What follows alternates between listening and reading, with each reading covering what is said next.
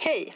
Jag heter Karin Pattersson och är kulturchef på Aftonbladet som har Skandinaviens största och ja, bästa kultursida. Varje vecka kommer dessutom mitt nyhetsbrev där jag skriver personligt om veckan som gick och gör ett urval ur veckans bästa texter och poddar. Både hos oss på Aftonbladet Kultur och på andra ställen. Nyhetsbrevet kostar ingenting och du får första tjing på inbjudningar till våra event och samtalskvällar om litteratur och idédebatt. Gå in på aftonbladet.se kulturbrevet och bli prenumerant. Hej då! Den som pratar får prata jättenära. Vi har bara en mick ju. Snyggt.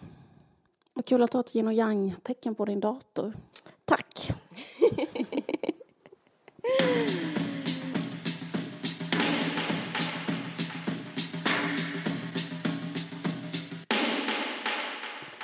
Hej och välkomna till En varg söker sin podd. Eh, och eh, vi, det här är, vi har redan börjat ha semester så vi är på Österlen, jag och Caroline. I samma soffa. Ja. Hur är Eh, läget? Jo, det är bra, det är bra. Hur mår du? Jo, det är bra. En sak som, som, eh, som verkligen är annorlunda för mig på semestern är Mm. att jag kör bil. Mm. Vilket jag aldrig någonsin gör annars. Jag tog ju körkort för typ, jag vet inte, 15 år sedan eller något sånt. Eller 13 år sedan kanske. Och jag har liksom kört så himla lite sedan dess.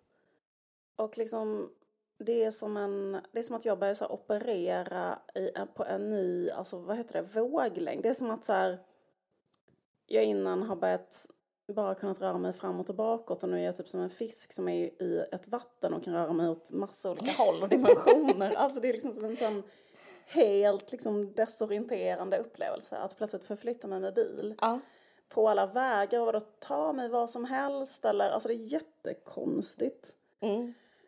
Och ehm, jag är också så väldigt, väldigt rädd hela tiden när jag kör. Nu har det liksom kanske lugnat ner sig pyttelite. Men ehm, det var rätt så speciellt för att vi eh, har ingen bil då, men vi har liksom hyrt en bil. Och då är det en sån bil som är liksom så jävla...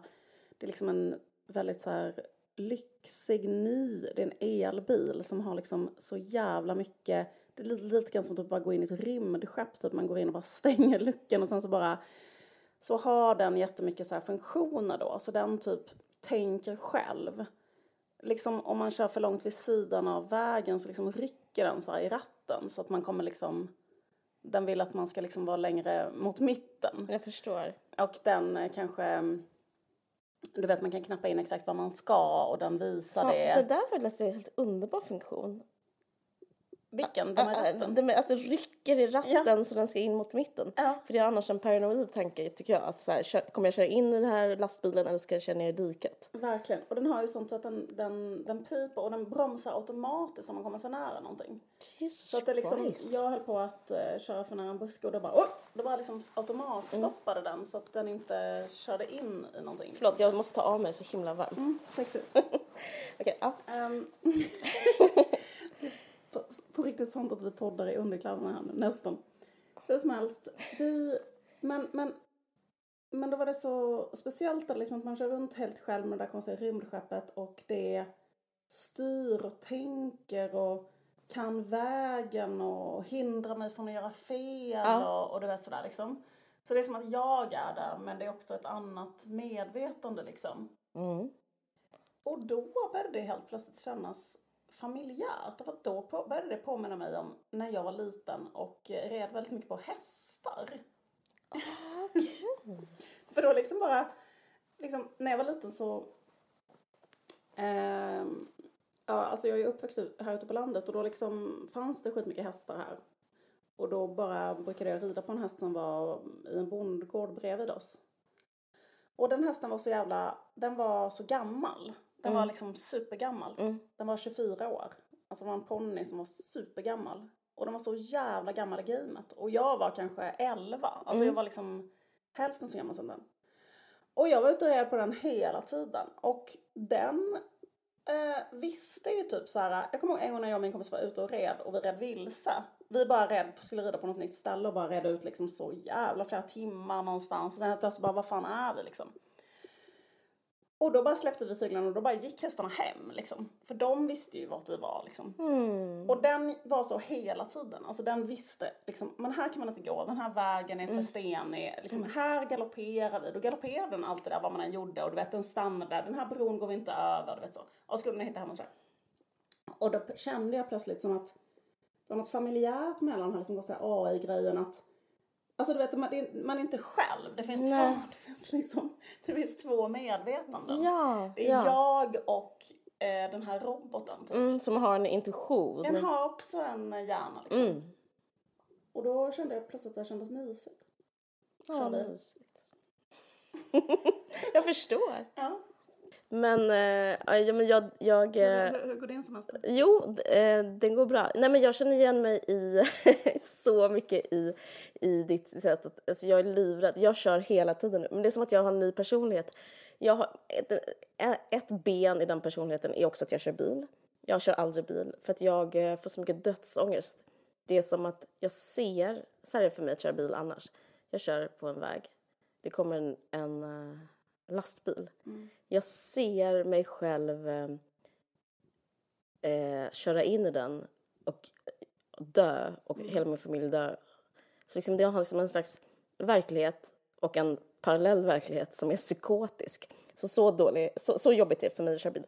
Det finns en scen i Annie Hall där Christopher Walken berättar hur, hur han ser sig själv också, liksom, eh, bara liksom Eh, han kör hem Woody Allen och sen så eh, berättar han om sina skräckfantasier, också totalt psykotiskt. Och det, jag känner mig alltid som Christopher Walken. Men, men, men här så kör jag som en gud.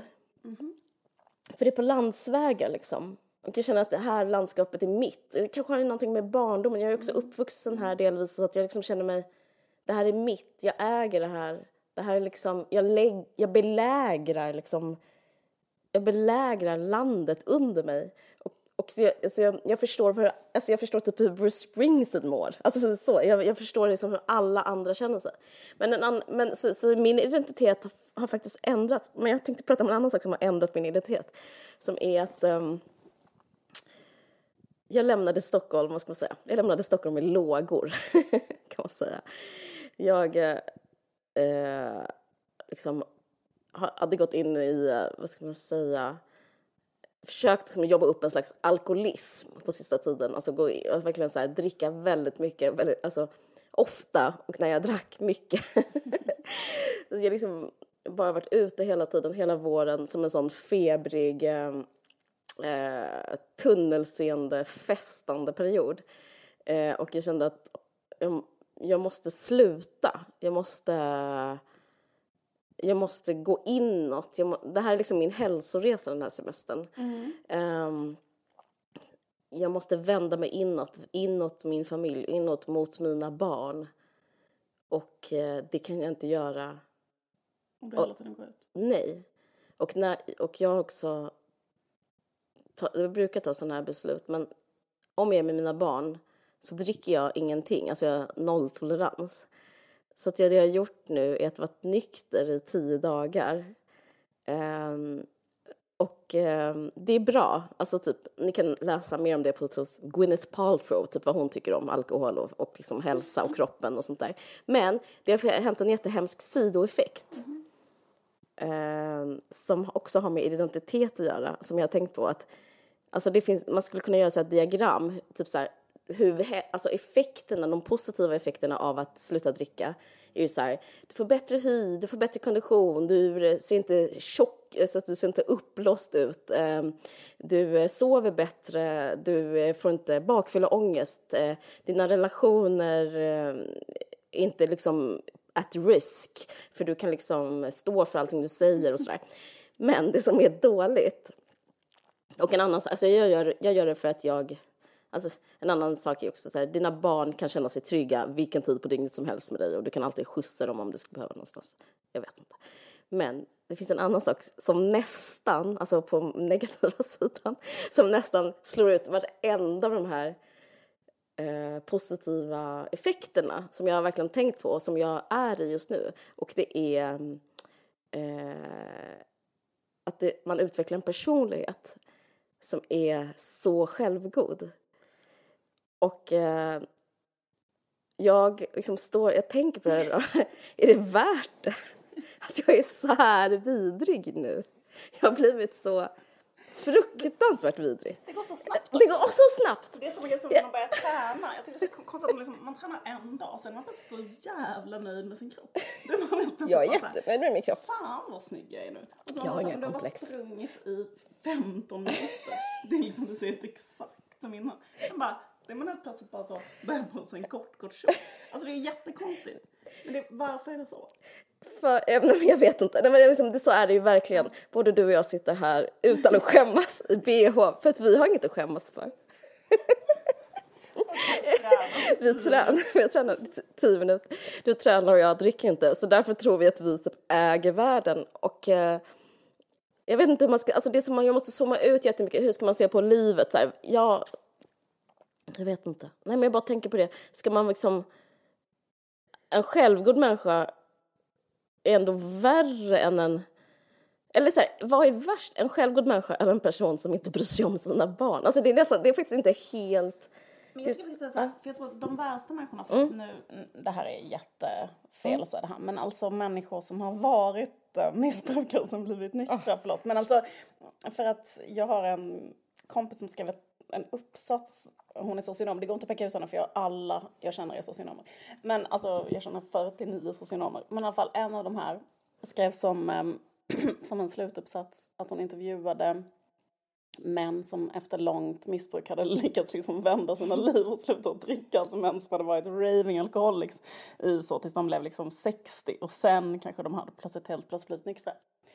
Och hon sa att de var på gränsen till outhärdliga, alltså att intervjua. Alltså det gick typ inte. Du kan tänka dig liksom deras hybris när de då liksom helt plötsligt, och då blev ju, alla blev ju då kanske så här inspirationsföreläsare och de blev helt, de blev helt, helt, helt, helt, helt outhärdliga. Men jag är jättenära att, att, från att inspirera. Alltså jag är en sekund bort från att göra ett inspiration, säga, ja, för att försöka inspirera andra. Det är så hemskt. Jag, jag skrev en post på Insta där jag inspirerade. Det var jättehemskt. Jag tog bort den eh, 20 minuter senare. Men jag skrev tyvärr något inspirerande om midsommar och, alko- och att, jag, att jag inte tyckte man ska dricka med sina barn. Men sen så tänkte jag nu, eh, jag tapp, alltså jag tapp, man tappar det direkt. Jag förstår. Och jag har inte ens varit liksom missbrukare. Nej, nej, absolut inte. Du dricker ju, i mina ögon har ju du aldrig druckit överhuvudtaget och nu dricker du. Det här är ett skämt också eftersom jag sa det till en annan kompis träffade Matilda som också kände igår och så berättade jag, ah, jag har blivit alkis och, och då sa hon, du har aldrig, Nej, du, har, du säger alltid det och du har aldrig druckit en droppe. nej. Så nu är det att jag dr- drack två droppar innan, nu dricker jag inga droppar. Exakt. Nej men exakt, du har alltid varit en sån eh, person som är mm, väldigt, eh, vad heter det, du eh, är väldigt försiktig med alkohol. Men ehm, grejen är att, eh, nej men det är väldigt intressant det där hur snabbt man blir självgod och hur snabbt man känner för att Missionera. eh, ställa sig på en liten låda och liksom berätta för folk om typ sin hälsoresa och hur man själv gör.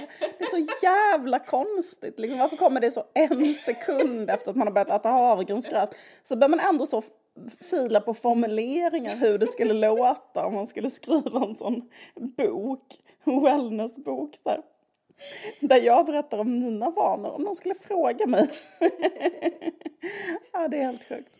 Ja, men verkligen. Eh, nej, men jag, också, jag tar ju också morgondopp varje dag, men det, är- där har jag, alltså jag kan inte inte säga, jag, har, ja, jag måste säga det. Ja. Alltså det går inte att inte säga. Men, men det, är- det är lite mer folkligt, men just det här med att inte dricka som svensk på sommaren i Sverige, det är liksom, det är en sån extrem sport. Det är som att jag klättrar upp för så här Ja, men du vet, jag bestiger eh, Mount Everest själv fast utan livlina. Så så måste, jag- alltså jag, vill, jag vill ha mitt sommar, alltså så här, sommar i P1 skulle kunna handla om det. Men eh, Men, för, men jag undrar ifall det är någonting som har skiftat totalt i kulturen. För jag pratade med min bror om det som är lika gammal som mig. Och han och jag pratade om det att, för, för nu så har det blivit en sån grej att Sverige, alltså folkhälso, um, fan heter de? Folkhälsoinstitutet. Ja. De har tydligen gått ut med nya riktlinjer att man inte ska dricka alls.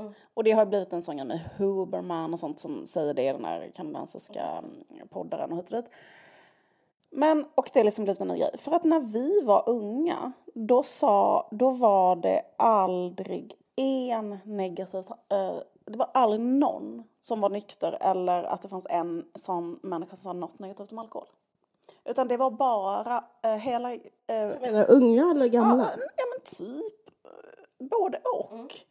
Fattar du vad jag menar? Typ att det, allting gick ut på att ja, men alltså, försök bara dricka så mycket som möjligt så ofta som möjligt. Det var, aldrig någon som hade en annan åsikt än det, upplevde jag. Um, och att, jag tror aldrig, alltså jag visste inte till exempel att man så här, det finns kalorier i öl. Det tror jag att jag fick reda på när jag var... The hard way. Exakt. Jag fick reda Byxorna till plats. Titta på mig själv. Jag skojar. Men jag skämtar inte nu Caroline. Jag tror att jag fick reda på det när jag var 35. Jag tror aldrig att någon hade sagt det innan. För att ingen sa något negativt. Alltså ingen sa att det var liksom... Å andra sidan så... Liksom... Jag vet inte. Det är ingen, man mär, alltså när man är ung, man kan ju, det, är, liksom, det är en annan sak. Man kan dricka hela tiden och man är fortfarande skitsmal. Men grejen är att det är liksom, eh, det, det var bara så jävla konstigt att det liksom bara aldrig, att aldrig någon ens sa det. Mm.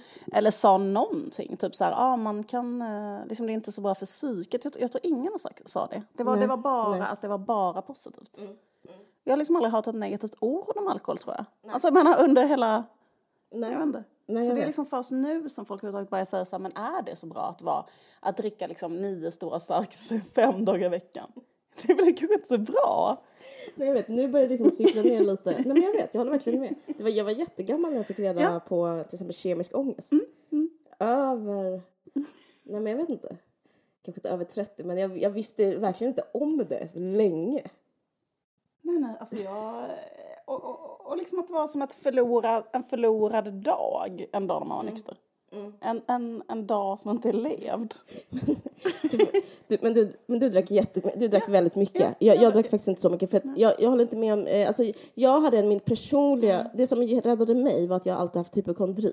Ja. Eh, och det finns liksom en hypokondri i sjukdomen alkoholism som, som, som, som tog hand om mig. Liksom. Men, men jag håller verkligen med. Det fanns liksom inte i så här...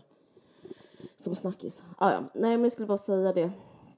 Okej, men ja just det, toppen. men jag märker nog Och jag har jättetråkigt.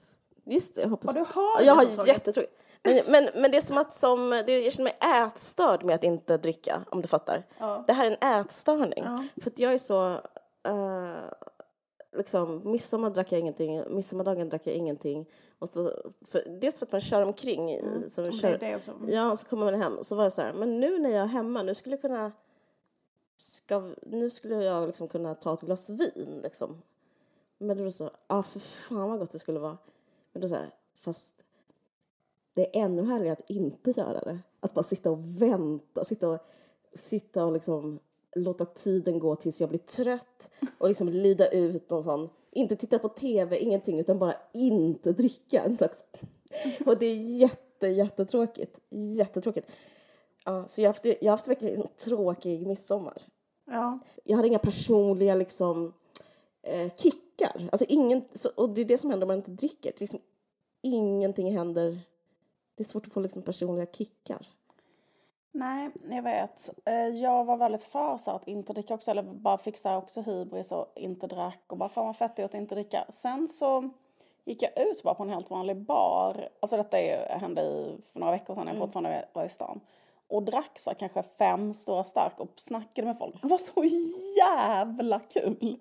Så och typ kul. hade så fruktansvärt kul. Och sen typ var jag så glad i flera dagar efteråt för att jag hade haft så jävla kul, att det var så jävla roligt och liksom, så var så här, jag vet inte, det är ju roligare. Det är mycket roligare. Ja. ja. Nostalgi och eh, retro eh, och återanvändning av kulturtrenden fortsätter och eskalerar. Den mm. liksom bara blir värre och värre och värre. Ja. Speciellt när man liksom tror bara så okej okay, men nu, nu, nu är den här, så, så är det bara så här äh, mer och mer och mer. Jag tänker på så här, Bianca Ingrossos liksom um, Kaja-grej där när hon gjorde MTV och 90-talet och gjorde en cover på en låt. Um, Precis. Men hon gjorde liksom en, en palett från 90-talet, gjorde ett samarbete med MTV, alltså gjorde som att så här, det här är 90-talssmink, mm. eh, gjorde en cover på en låt från 2001. Eh, liksom exakt, alltså bara allt det här som, som så jävla många människor har pratat om, mm. att, det, att vi lever i en tid av bara liksom åter, eh, återskapande av e- eror och aldrig uppfinna något nytt. Jag har skrivit en artikel om det. Ja, Alla skrivit om ja det. Exakt. Väldigt många har skrivit om det och pratat om det för att det har verkligen varit så. Och du skrev den för så himla länge sedan. först. Men, men, men det lustiga är att den, här- den här grejen liksom fortsätter och den blir bara mer och mer. Eh, till exempel, jag vet inte, jag kollar på, på eh, Kardashians nu till exempel. Då håller eh, Kim på att göra i, i, det här har hon ju redan gjort i verkligheten, men i tv-serien nu så tar de upp när hon gör sitt eh, samarbete med Dolce Gabbana och vad gör de då för samarbete? Självklart gör de att de gräver i deras 90-talsarkiv och liksom tar 90-talslooks och gör, gör om, alltså de, de vill inte använda någonting som Dolce Gabbana har gjort på de senaste typ 15 åren för de grejerna är typ inte snygga. Alltså det är väldigt speciellt. Men de var också snyggare förr i tiden. Ja men exakt, de var snyggare och det har liksom inte kommit någon bra ny liksom, idé. Så därför så gör de, eh, gör de liksom, eh, gör de om, de liksom plockar fram sina gamla grejer och säljer dem igen och gör remakes på dem och sånt. Så det är också ett tecken på det här. Um, ytterligare ett exempel är ju då And Just Like That, Ja. eh, Sex and the City. Och där tycker jag, för nu kollar jag liksom på det nya avsnittet, och, eller på de här två nya som ligger ute. Nu kanske det ligger något mer när det här sänds, men att det liksom, att den här grejen med nostalgi, att det liksom, jag, jag blir så jävla irriterad på det för att det görs till det enda innehållet. Liksom att till exempel det första, alltså att man, man, man gör liksom inget, ja men typ så här, hela det första avsnittet av And Just Like That. Då liksom hela, hela bågen, hela dramaturgin handlar bara om att man ska få en nostalgisk känsla av att hon använder samma klänning. Mm. Just det, Liksom den så här, här, The ja, hon, hon använder, precis det är liksom så här, ja, de ska gå på Met Ball och sen hela Carries eh, liksom, dramatiska båge i det avsnittet det är så här att eh, en sömmerska försöker sy en klänning till henne men den blir aldrig klar. Och sen helt plötsligt så bara tittar hon på, eh, på och sen så bara, ah, jag, jag har en annan klänning och sen är slutscenen bara bam, hon går ut och då använder man bara liksom eh, det, det här liksom gamla känslorna från Sex and the City-filmen när hon hade den där bröllopsklänningen. Ehm, och, det, och det tycker jag liksom är lite slappt för då blir jag så här men ska ni inte skapa, ska ni inte skapa en ny berättelse? Mm. Liksom, ska ni inte skapa, vad händer med henne nu? Mm. Varför, varför använder man inte den här liksom grejen att hon ska gå på Met Ball och berätta någonting nytt om henne? Mm. Liksom. Mm. Eh, eller om hennes nya kille. Liksom, Fattar du vad jag menar? Varför hittar man inte på mer hur han är? Alltså, faktum är att jag tycker den serien är så jävla dålig. Mm. Den är skit. Mm. Den är så här en överstruken etta. Ja, men den, är, den är dålig. eh, jag håller med om det där, men den är dålig på, såna, på så många sätt också. Ska jag säga en sak som, som den är så fantastiskt dålig på, alltså bara så tekniskt dålig på. Det är att... eh, Okej, det ska en lång parentes, eller inte lång, det är en parentes. Men jag åkte ju till Danmark, jag skriver en serie själv. Och, eh, och på grund av den här writers strike, strike, Strike. Jag kanske inte ska vara så självgod. Kan inte säga, kan, kan inte säga, kan inte säga strike. Förlåt. Uh, right, alltså det var för det två, ett engelskt ord och ett svenskt ord. Eh, det är en sån skrivstrejk i Hollywood ju. Som det, det är sjukhet. Det, är alltså, parentes på parentes, men fackför, alltså, fackföreningen i USA är liksom bättre än fackföreningen i Sverige. De har liksom en fackförening som så här, och, eh, förhandlar upp deras löner och sånt där. Det är så roligt med vår självbild att vi är ett vänsterland eh, där det går att vara en författare. Men det gör ju verkligen inte det. Whereas i, i USA så håller de på att få bättre löner just nu. Alltså fiktionsförfattare och eh, tv-serieförfattare. Hur som helst, på grund av den strejken så lösgjordes massa människor som är riktiga hotshots. En av de hotshotsen är eh, dramaturgen till bland annat Lars von Trier och Thomas Winterberg. Thomas Winterberg, Lars von Triers dramaturg.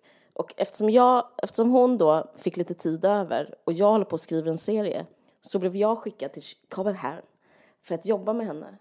Och då fick jag, det var liksom, det var den lyckligaste dagen i mitt liv den lyckligaste dagen, inklusive när mina barn föddes. Det var liksom helt fantastiskt, det var som en dröm. Men inte det jag ska prata om. Det jag ska prata om är Sex and the City. Berätta lite om det. Jo, ja, men hon mötte mig. Alltså det var liksom, men så, här är, så här är det i Sverige, när jag gjorde amningsrummet, då var jag på så här, jag minns att jag satt efteråt på en sån utvärdering. Och för att en i teamet hade känt att vi inte hade platt hierarki. Och då satt jag och grät och sa, jag vill inte ha platt hierarki. Jag vill vara person, jag vill vara regissör som bestämmer hur allt ska vara. Ja. Jag minns, och även med fotografen, alltså alla, för då, då som, och, och det, var, det var så tabu då, jag vet inte om det är det fortfarande, för det var så inne med platt hierarki. Och då går det inte att ha liksom, funktionen regissör eller konstnär. Men att komma till Danmark och, träffa, och gå till den här gamla bryggerifabriken, alltså ett gammalt bryggeri såklart på eh, Norrbro, eh, så var det liksom, det enda vi pratade om där var konstnärens roll och hur viktigt det är med konstnären. Och det, och det är själva fundamentet i en berättelse, en persons vision. Och eh, sen pratade vi om ångest. Hon bara, ju större konstnär, desto större ångest. Och att allt sånt fick finnas. För när jag har jobbat i Sverige så har det varit väldigt mycket typ så här alla människor är typ habila, funktionella. Det är inte någon skillnad på mig och på dig. Och, på, och eh, din tanke är lika bra som min tanke. Eh, känslor ska vi KBT bort. Och det får liksom aldrig utrymme för någon slags kreativ magi.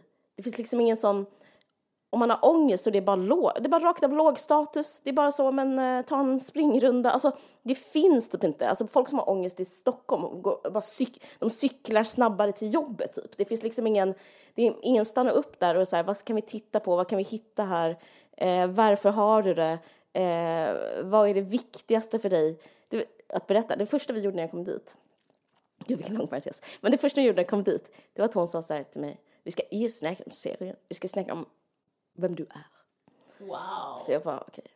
vad är det mest fundamentala i dig? Vem är du? Wow. Jag vet. Vad sa du då? Jag kan inte avslöja för mycket, men eh, då sa jag att, uh, att det fanns två spår. En som handlar om invandrare och en som handlar om en kvinna i kris. Och det är det min serie ska handla om. Mm. Men uh, och hon var så underbar. För också hur vi har pratat om plottar och sånt. Hon bara, jag hör er, hur du, du nämner er ordet kärlighet. Du nämner inte ordet kärlek. Mm. För annars, förstår du? Då är, alltså det är så hon jobbar. Yeah. Då är det så, det är inte så, ja för att en historia ska bli bra så måste det vara en kärleksbåge. Så jobbar ju alla andra idioter. Va? Därför är inte kärleken, det är inte huvudpersonen. Det är, det är något annat, det är huvudpersonen. Ja, så.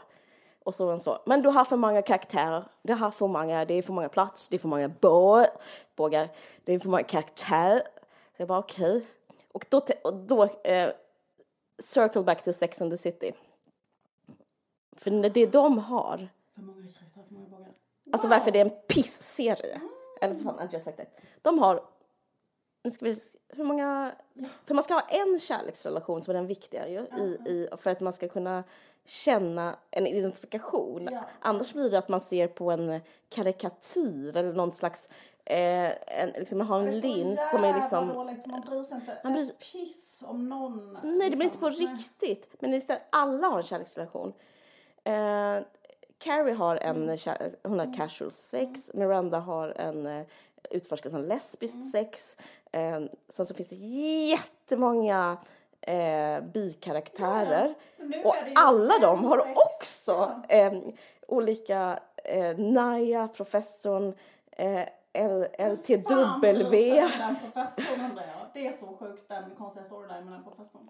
Men det är jättejobbigt. Och grejen är att alla bikaraktärer, det är också så pinsamt för att man ser bara hur bygget är utifrån och inte inifrån. Alla bikaraktärer är POC, alltså people of color. Alla är svarta på något, på någon slags, eh, bruna svarta på något sätt. Och, så de, för att, och för att de inte bara kan ha en brun person så måste de ha 17 bruna personer. De 17 ska också få ett, ett liv. Och även barnen nu, de här, den här um, geniet som spelar i, hon ska bli någon Billie Eilish person. Så det är för många karaktärer eh, för, och så är liksom för det finns ingen avsändare. Det finns ingen som vill berätta någonting Nej. i den serien. Eh, och det, om man jämför med Sex and the City som var bra så var det liksom en person som ville berätta någonting. Hon bara, jag är en människa som är över 30 men jag kanske inte vill ha barn. Det handlade det rätt mycket om. Men jag tycker det är kul att bo i New York och typ jag älskar killar och typ jag tycker det är svårt att vara ihop. Följ med. Precis, men mycket var det ju, där var det väldigt mycket att det var den där eh, storyn kring henne och Mr Big. Som var liksom den eh, spännande historien. Liksom att, eh, att hon var kär i honom och han var inte lika kär i henne. Och det är ju liksom en bra historia. Liksom. Men det, för, för, för liksom eh, att han är oåtkomlig och det är en sån sorg hela tiden. Eh, Och det var ju liksom, men, men, men också så var det ju väldigt många bara avsnitt som var så här otroligt välskrivna.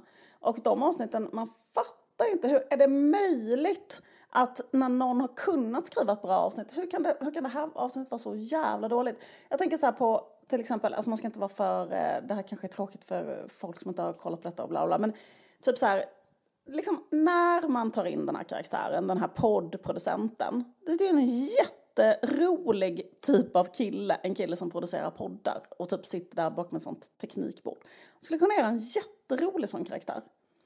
Eh, men liksom, eh, och, och jobba med vad som helst med hur såna killar är. Men Den är redan bra.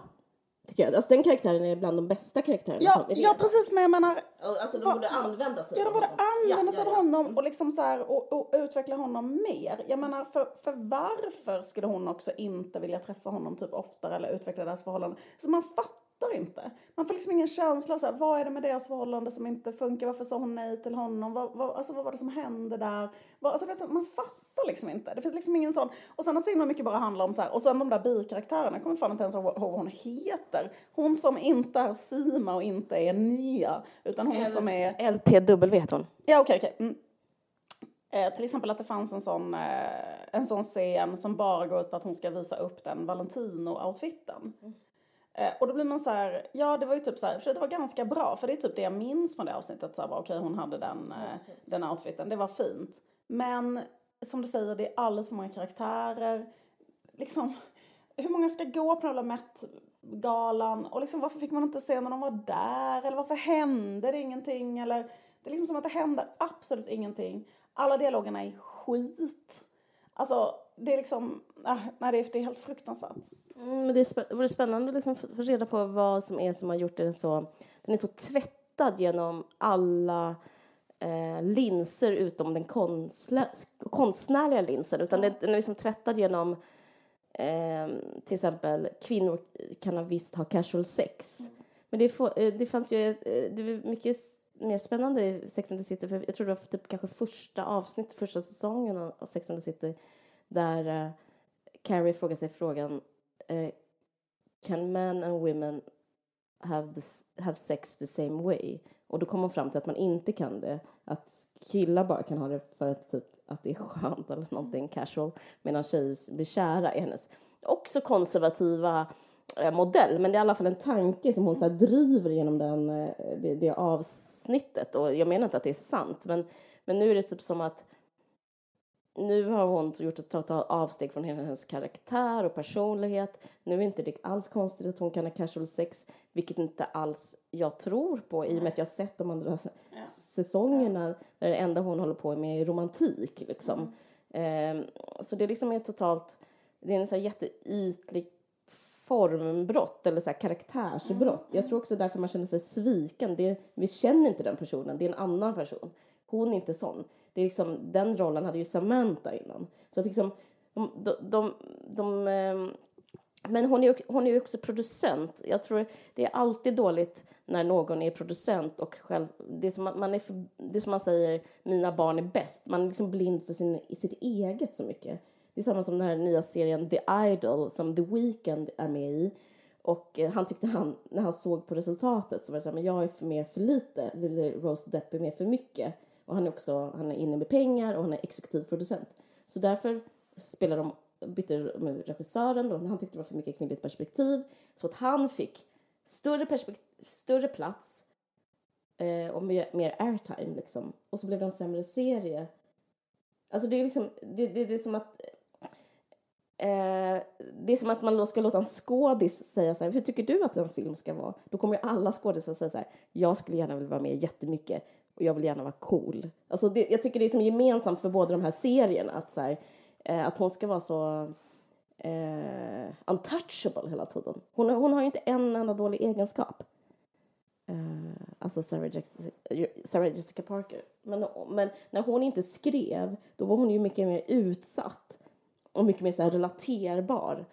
Uh, när hon inte skrev sitt eget manus menar jag, då var hon mer så, okej okay, jag spelar väl den här needy människan. Och då var man så här, då var man med henne, ah, jag är självklart också en needy människa. Mm. Nu är det som så här, torsdagssex, jag tänkte också på när de sa, de, hon, hon, ni som inte sett, hon har då börjat ligga med sin poddproducent. Varje torsdag har de sex.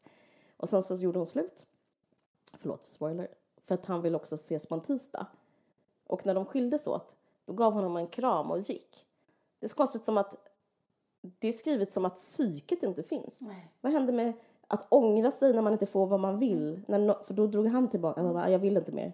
Då ska ju hon börja vilja. Då ska hon ångra sig, då ska hon bli, hon bli en idiot. Men istället gav hon honom en kram och, och, gick. Hela det, hela det avskedet var liksom det sjukaste jag sett. För typ så här också så här, varför sa han bara så här? Okej, okay, då ses vi inte, utan vi har, vi har sex på torsdagar. Men liksom, Eh, liksom, jag, jag, jag fattar inte. Vem liksom, jag vet inte, det, det, liksom, det var bara helt så här, det är väldigt så här, allting är väldigt, väldigt orealistiskt mm. liksom. Alltså det finns liksom ingen så här, det enda som jag tyckte var bra och den enda repliken som var bra och som var levererad faktiskt väldigt bra, det var hon eh, när Cher Diaz sa att hon hade blivit tjock och att hon hade börjat banta. Ja. Det tyckte jag var bra. Och det tyckte jag var en bra idé att det skulle kunna handla om. Alltså typ ja. att det blir liksom, eller liksom att hon blir så här, äh, drar, sig, drar, sig, drar sig undan och, eh, och sådär och den andra blir osäker och sen beror det bara på att hon tycker att hon är tjock och att hon skrek det på ett bra sätt så här, typ I'm on a diet, okej? Okay? Alltså typ så här, det är något jag inte har berättat så här. Det, det var faktiskt jättebra. Och det var nytt som du efterlyste. Ja, exakt, för det, det är en jättebra um, liksom, uh, händelse i ett förhållande. Eh, men, men... Men det är för många plåtar. Hon har ju, nu har de också introducerat att hon är en exman. Det är för många personer. Vem fan bryr sig? Jag är liksom, det var så jävla ointressant. Man bara säger, aha, hon har en exman. Vem fan bryr sig? Det är alldeles för många personer som man absolut inte bryr sig om. Mycket går ju också ut på att de bara ska visa vilka jävla kingar de är. Och det är också mycket om det där med POCs, att det är så himla, att, att, att, att det liksom det har ju, alltså, det förstör ju tyvärr väldigt mycket av, liksom, alltså just att det är den här woke-linsen hela tiden. För det är liksom så här, de personerna kan ju inte heller då så typ göra fel eller vara, liksom hon den här Sima, liksom hennes enda roll är ju att gå runt och vara kingen hela tiden. Eh, så det blir också väldigt så här, ehm, jag vet inte, det är också ganska tråkigt att bara se på någon som bara är så här, där går den runt och dominerar och är bäst. Um, och där går den runt och dominerar och är bäst. Alltså så här. Jag tycker det är faktiskt, det var det jag tänkte också min takeaway var, när, efter jag sett de här två avsnitten var att så här, att i, deras liksom antirasism ja. så finns det liksom, landar de på ett rasistiskt ställe. Mm. Eh, för att det är som att, som du säger, det jag tänkte på att de, jag tänkte inte på att de inte kunde göra fel, men då har du helt rätt. Men det jag tänkte på att alla var eh, ekonomiskt, eh, vad heter det, inte oberoende, men alltså alla yeah. tillhörde socialgrupp 1. Ja, visst, visst. Eh, för att de vill antagligen inte skildra eh, nidbilden av en kanske en ensamstående svart kvinna som inte har så mycket pengar. Så därför väljer de att skildra eh, personer som har gått på Yale och privatskolor och har chaufförer och eh, stora townhouses på Upper West Side som är då också POC. Men det är som att i den som välviljan att berätta om en värld där de inte ser färg, försöker de säga. Det är väl inget med det. Det, är så här, det finns jättemånga POC som är lika typ så här, one-procentiga som en vit tech-bro är. Liksom. Men, Eller som liksom Sarah Jessica Parker. Som jag, det, är ingen fel, det är ingen skillnad på, Sarah, skillnad på Sarah Jessica Parker och typ en annan svart kvinna i New York. Mm. Då blir det liksom som att Eh, jag tyckte liksom det var smärtsamt. Ja, visst, visst. För, för det, det, det att inte berätta inte. sanningen gör liksom nästan som man så här, liksom, liksom sminkar en gris eller vad man säger. Eller man liksom gör så här eh, man, man gör om verkligheten och sen ska och, och istället för att berätta en om liksom alltså jag vet inte, för det, om man är ärlig med typ så här, kontexten så är det mindre det är fler personer vita, som är rika som är vita. Så därför liksom, men om man ska göra om verkligheten så är det som att då skär man ju av liksom, vad heter det, liksom möjlighet att berätta någonting diversifierat eller så här, eller så tredimensionellt. För att det, i sanningen finns ju så jättemycket mer berättelser. Nu är det som så här, de, det finns ingen berättelse, det är bara typ personer som gått på privatskolor och tjänar jättemycket pengar. Ja, I och med att det inte är sant så går det liksom inte att berätta någonting om dem. Men de skulle kunna berätta jättelånga linjer om dem som är eh, något annat eh, än, eh, än det de gör nu. Nu är de bara helt påhittade. Whereas Sarah Jessica Parker och de andra vita kvinnorna mm.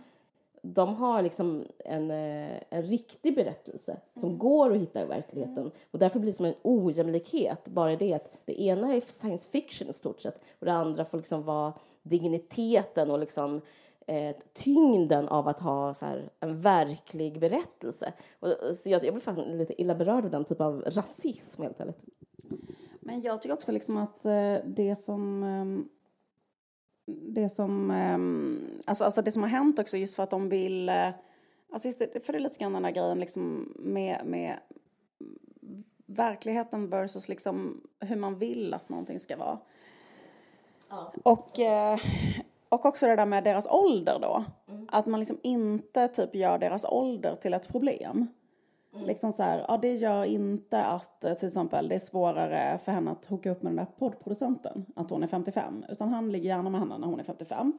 Men liksom så här, och det vill man ju för att man vill visa så här, för en kvinna som är 55, jag vet inte hur gammal ska hon vara i serien? Jag tror så. Ja okej, okay, 55, ja. Ja men en kvinna som är 55. Ja, det är fan en bra fråga. 75 exakt. Nej men förstår du vad jag menar? Liksom att, man, att, att man hela tiden har det där liksom så här. Så här borde det vara. Det borde vara så att en 55-åring inte har några problem. Det borde inte vara så att den poddproducenten istället hookar upp med typ en 20 år yngre kvinna på det jobbet.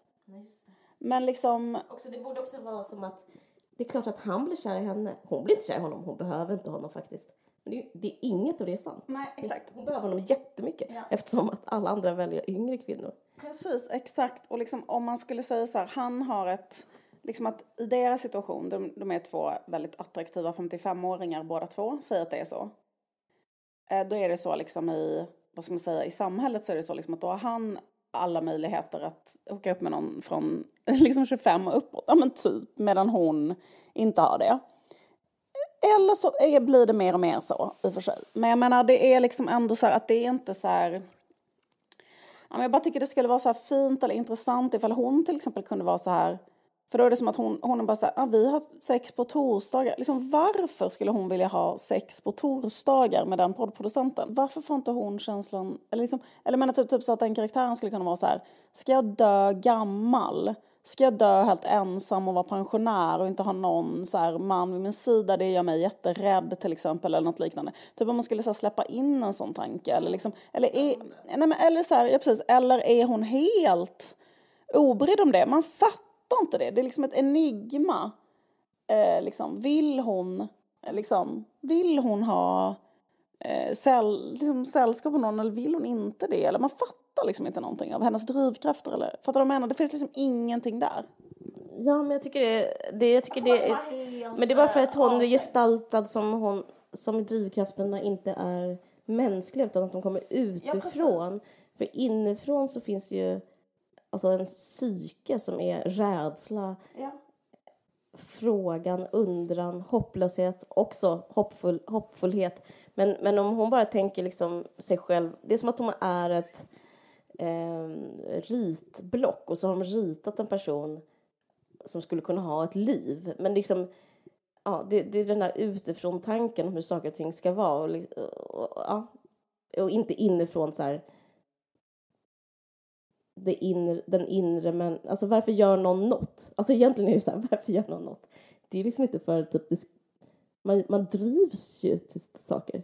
Men de skildrar ju henne nu utan driv. De skildrar ju henne liksom utan känslor i Ja, stort precis, sett. verkligen. Det finns inget, det finns ingenting i hennes karaktär som liksom ehm, där man förstår ju liksom ingenting. Typ så här, varför gör hon en podd till exempel? För att hon är typ ekonomiskt oberoende. För det skulle ju handla om, alltså jag menar, hon, hon har ju ärvt Mr Big och hon bor i den där gigantiska town. Så liksom varför, för, men för det hade kunnat vara an- annars någonting så här, liksom hon måste eh, tjäna pengar och vara relevant och sådär.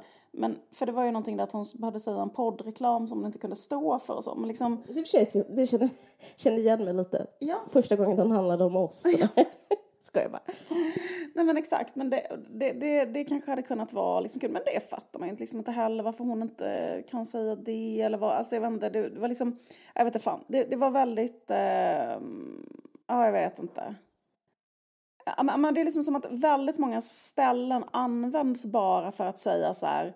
Varför skulle inte den här eh, nästan 60-åriga kvinnan eh, jättelätt bara hooka upp och ha casual sex med en man hon träffar i en bar eller du vet så här. För, för det är Det skulle, vet du det. vad, det var det konstigaste av he- hela avsnittet. hela de två avsnitten. Att någon raggar på en sån 60-åring som sitter i glasögon och läser. Det var, och, så, och frågade, ska vi äta dessert? Det är faktiskt det jag trodde på minst.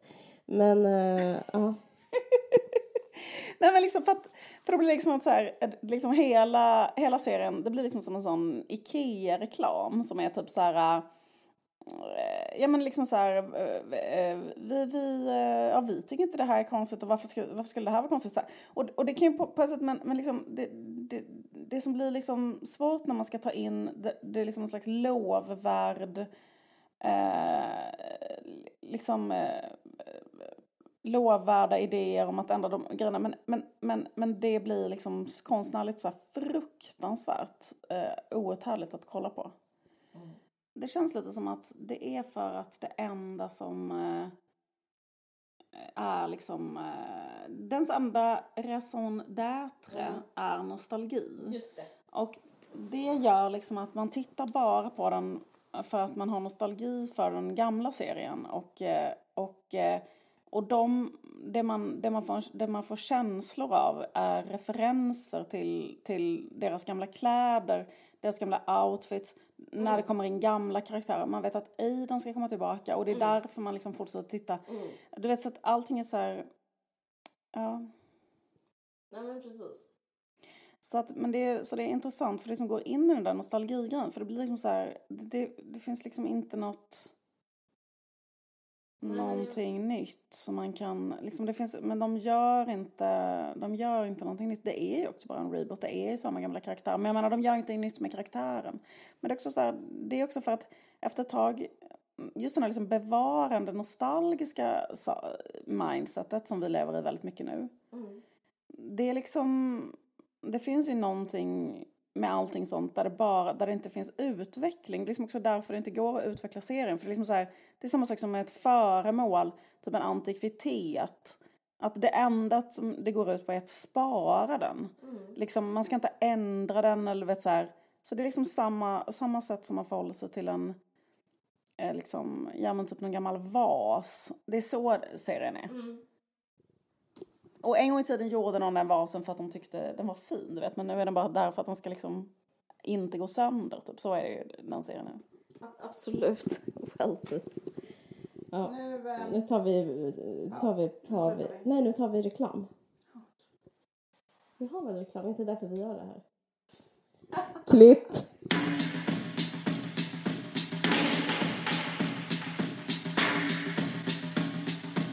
Nextory, Nextory, Nextory är en ljudbokstjänst som eh, sponsrar den här podden. Ja, och vi är så tacksamma för att nu så...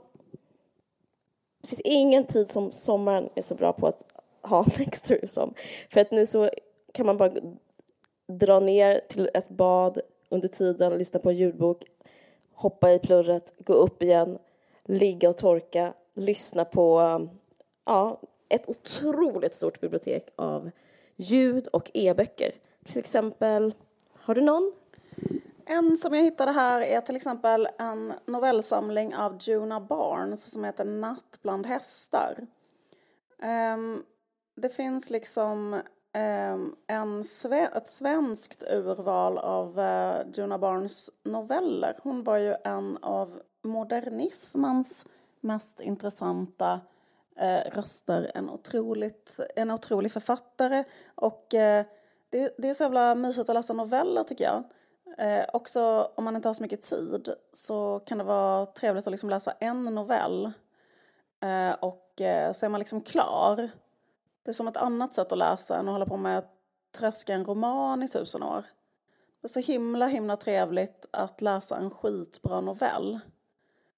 Och eh, hon är verkligen så här mästare på att skriva noveller. Och det, det här urvalet finns på svenska och heter då Natt eh, bland hästar. Och där finns ett flertal av hennes liksom allra mest klassiska eh, noveller. Till exempel Utsläpp, Läkarna, Kaninen. Och eh, de finns i en relativt ny översättning också. Hon var ju liksom en av de här liksom tillsammans med så James Joyce, Virginia Woolf, T.S. Eliot eh, som eh, eh, liksom eh, började göra så här formexperiment. formexperiment, modernism i litteratur. Så jävla underbart. Och om man eh, vill läsa något annat på originalspråk så finns till exempel den här boken Rich Boy